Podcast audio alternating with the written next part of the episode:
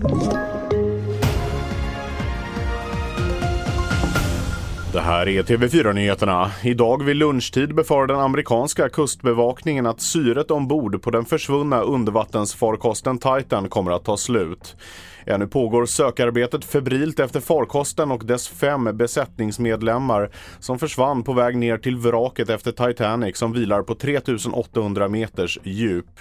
Ett bankande ljud har hörts flera gånger men ännu har ingen lyckats lokalisera varifrån ljudet kommer.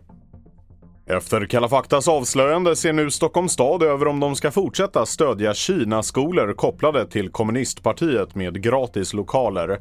Två Kina-analytiker vid Utrikespolitiska institutet slår samtidigt fast att svenska myndigheter och studieförbund behöver bli bättre på att stoppa skattepengar från att betalas ut till odemokratiska organisationer. I Honduras stiger dödssiffran till 46 döda efter sammandrabbningar mellan kriminella som följdes av en brand på ett kvinnofängelse utanför huvudstaden.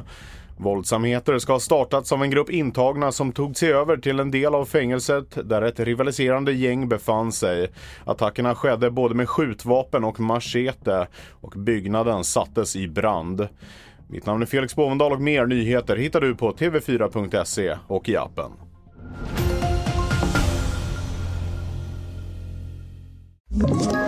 Ett poddtips från Podplay. I podden Något Kaiko garanterar östgötarna Brutti och jag, Davva, dig en stor dos skratt.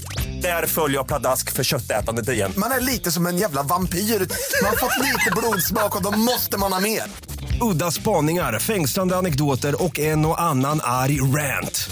Jag måste ha mitt kaffe på morgonen för annars är jag ingen trevlig människa. Då är du ingen trevlig människa, punkt. Något Kaiko, hör du på Podplay. Därför är gardinerna.